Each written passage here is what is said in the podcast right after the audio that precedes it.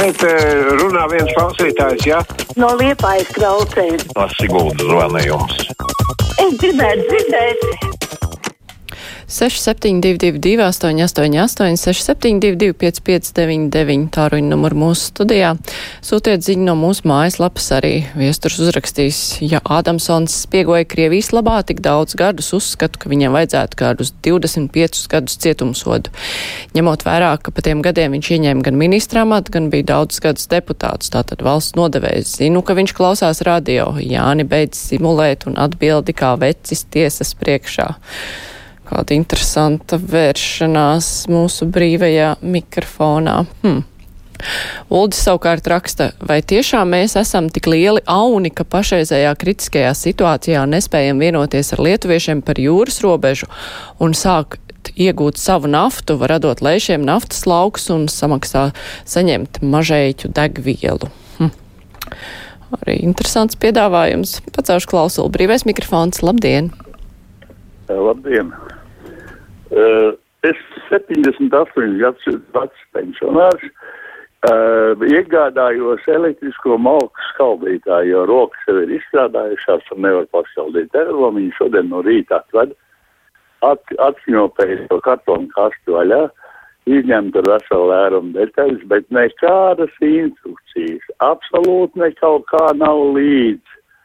Zvanu uz 220. internetu bodi, jābūt. Es saku, nu, es zinu, ka jābūt, bet nav.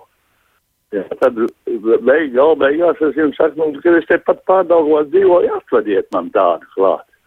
Ne čiku, ne grabu. Tad atsūtīja pa internetu uz 19 lapām, smalkā, smalkā drukā instrukciju, ko man ar viņu darīt. Ja man gadījumā tas vērķis neiet, es nevaru viņu iepakot apakaļ, jo tā ir kartona kasti, ko ir pārgriez, protams, ja, un jābūt klāt visām instrukcijām, bet man tās instrukcijas nav. Jā, vai... Jā, nu, traks stāsts, nu, ko lai saka, bet. Uh, Tā kā jums ir uh, atsūtīta instrukcija pa pastu, nu, tad jums ir pierādījums, ka jūs esat prasījis to instrukciju, tad, ja tas verķis nestrādā, tad jau varēsiet aizsūtīt ir gan atpakaļ. Nu, patērētāju tiesības noteikti jūs aizsargās, uh, tā kā es domāju, ka par to nevajag raizēties. Izlasīt gan vajag. Varbūt var kaut kā palielināt tos sīkos burtiņus. Labi, paceļ klausulu, brīvais mikrofons. Labdien! Labdien! Man pazīstamie cilvēki, kas bija piedzīvojuši otro pasaules karu, nemaz nebija izbrīnīti par to, ka Krievi noslēpoja 1,5 miljonus Afganistānas civiliedzīvotāju, par 50 tūkstošiem nogalināto čečenu bērnu naivnieku. Viņš noteikti nepārsteigts Krievu pasargātās zēbas bučā, kā nu pat izteicās polijas premjeras Moravets, Krievu pasauli ļaundabīgs tautsējs. Tātad Staļina asinēnāts uzvērs sinešana un vi, ir viņa desmitiem miljonu upuru piemiņas apgānēšana. Un vienalga, kad neliež to svin 9., 10. vai 8. 8. maijā. Paldies par viedokli. Anna raksta visu cieņu Golubevai viens no retajiem gadījumiem, kad ministrs atkāpjas pie mazākajām šaubām. Neatceros nevienu nacionāļu ministru, kas uzņemtos atbildību par kļūdām. Piemēram, tieslietu ministrs Rasnačs nejūta nekādu atbildību par safetbricēto pētījumu pret Stambulas konvenciju. Nu, šajā gadījumā mazliet cita situācija, jo ne ministre, ne tā, viņas pārstāvētā partija nepiekrīt tiem pārmetumiem, kas tika izteikti. Un šajā gadījumā viņa atkāpās tādēļ, ka premjers viņu neaizstāvēja. Te ir mazliet cits stāsts. Klausītājs zvana brīvais mikrofons. Labdien! Halo! Vai tur kāds ir? Halo! Sveiki! Esat ēterā? Labdien! Labdien! Es noklausījos ra raidījumu preses. Prese. Jums ir kaut kur jāiet, jāiet prom no radio. Ah, jūs jau esat tur vairs neesat. Labi, ceļu vēl klausulu. Labdien, brīvais mikrofons. Labdien! Nu, man tāds piedāvājums būtu ar uh, trīs zvaigžņu ordeni, ordeņa augstāko pakāpu apbalvot par Krievijas armijas reputācijas diskreditāciju, par Krievijas ekonomikas sagraušanu, par Krievijas izolēšanu no civilizētās pasaules, par NATO saliedēšanu un paplašināšanu, par Krievas tau, par Ukrainas tautas saliedēšanu, apbalvot tā saukto Krievijas valsts prezidentu Putinu, bet ar noteikumu tikai pēc viņa nāvas.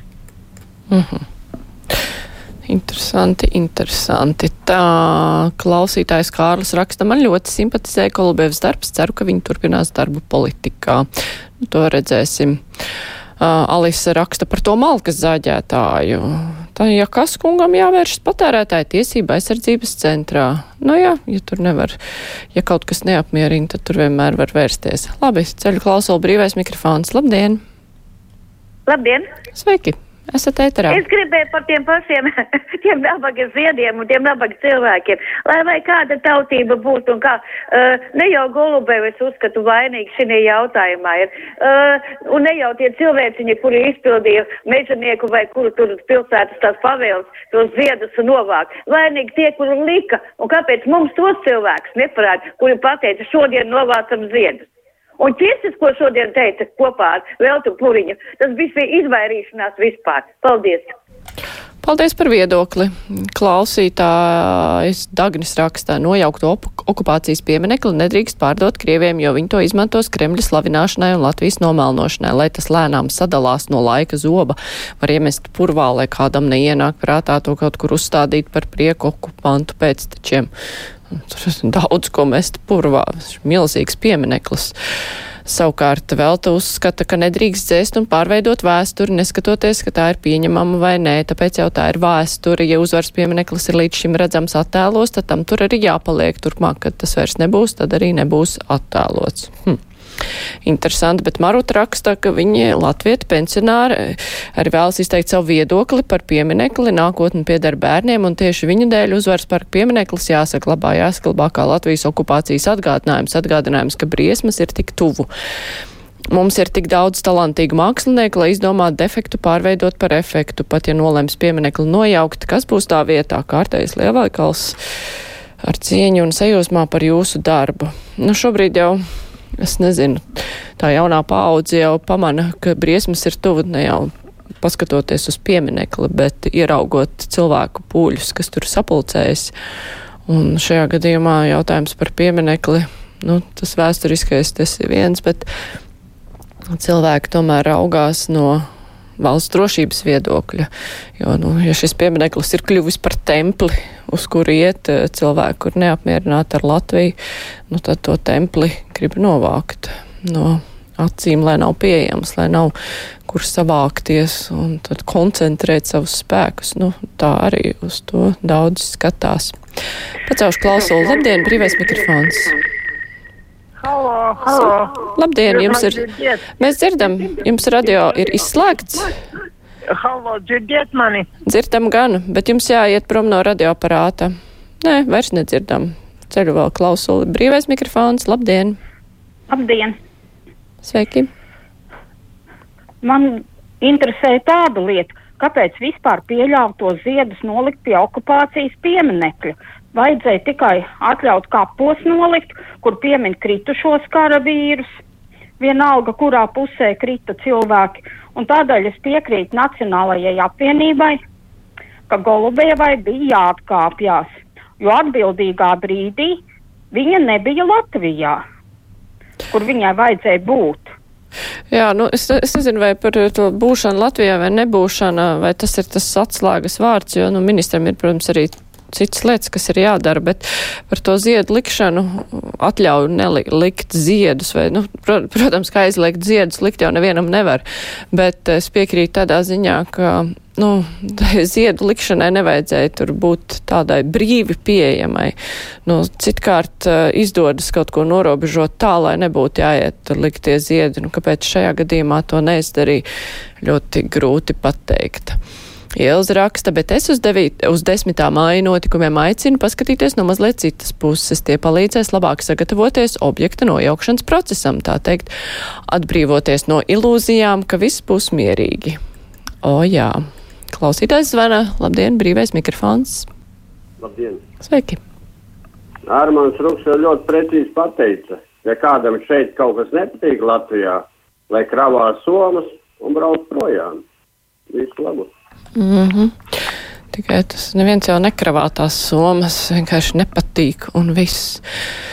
Māris raksta, ko var ņemties ar to pieminekli. Jākapils skaidri parādīja, kā jārīkojas ar šiem padomju pieminekļiem, un Daugava nav tālu no uzvaras parka. Nu, bet vai tiešām mēs piemētāsim Daugavu?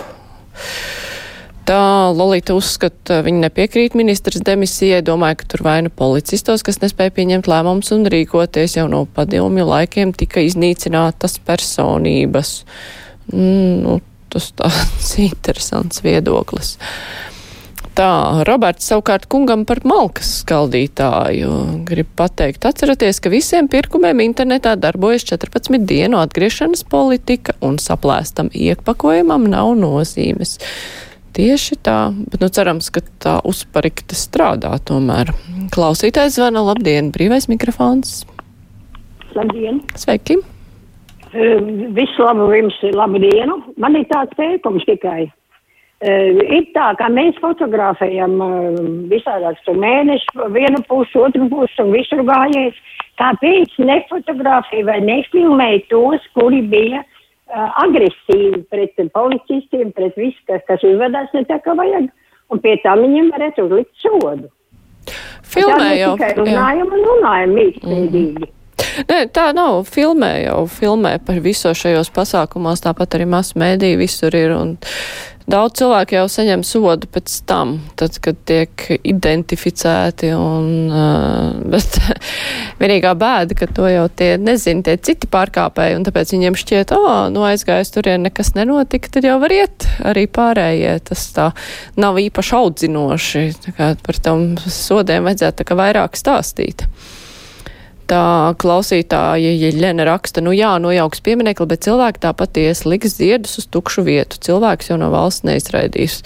Nu, Nezinu, nezinu par to tukšo vietu. Ja tur būs kaut kas pavisam cits, nu varbūt kāds liks tos ziedus vienreiz, otrais, bet noteikti ne tik lielā skaitā kā toreiz, jo tomēr, nu, piemineklis pievelk. Uh, šī vieta, tā kā tur ir kultivēta tāda piemiņas vieta, tad uh, arī tas pievāk tā kā mušas uz medu tur nāk.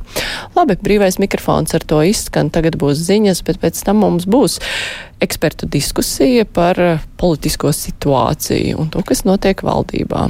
Tagad klausieties ziņas.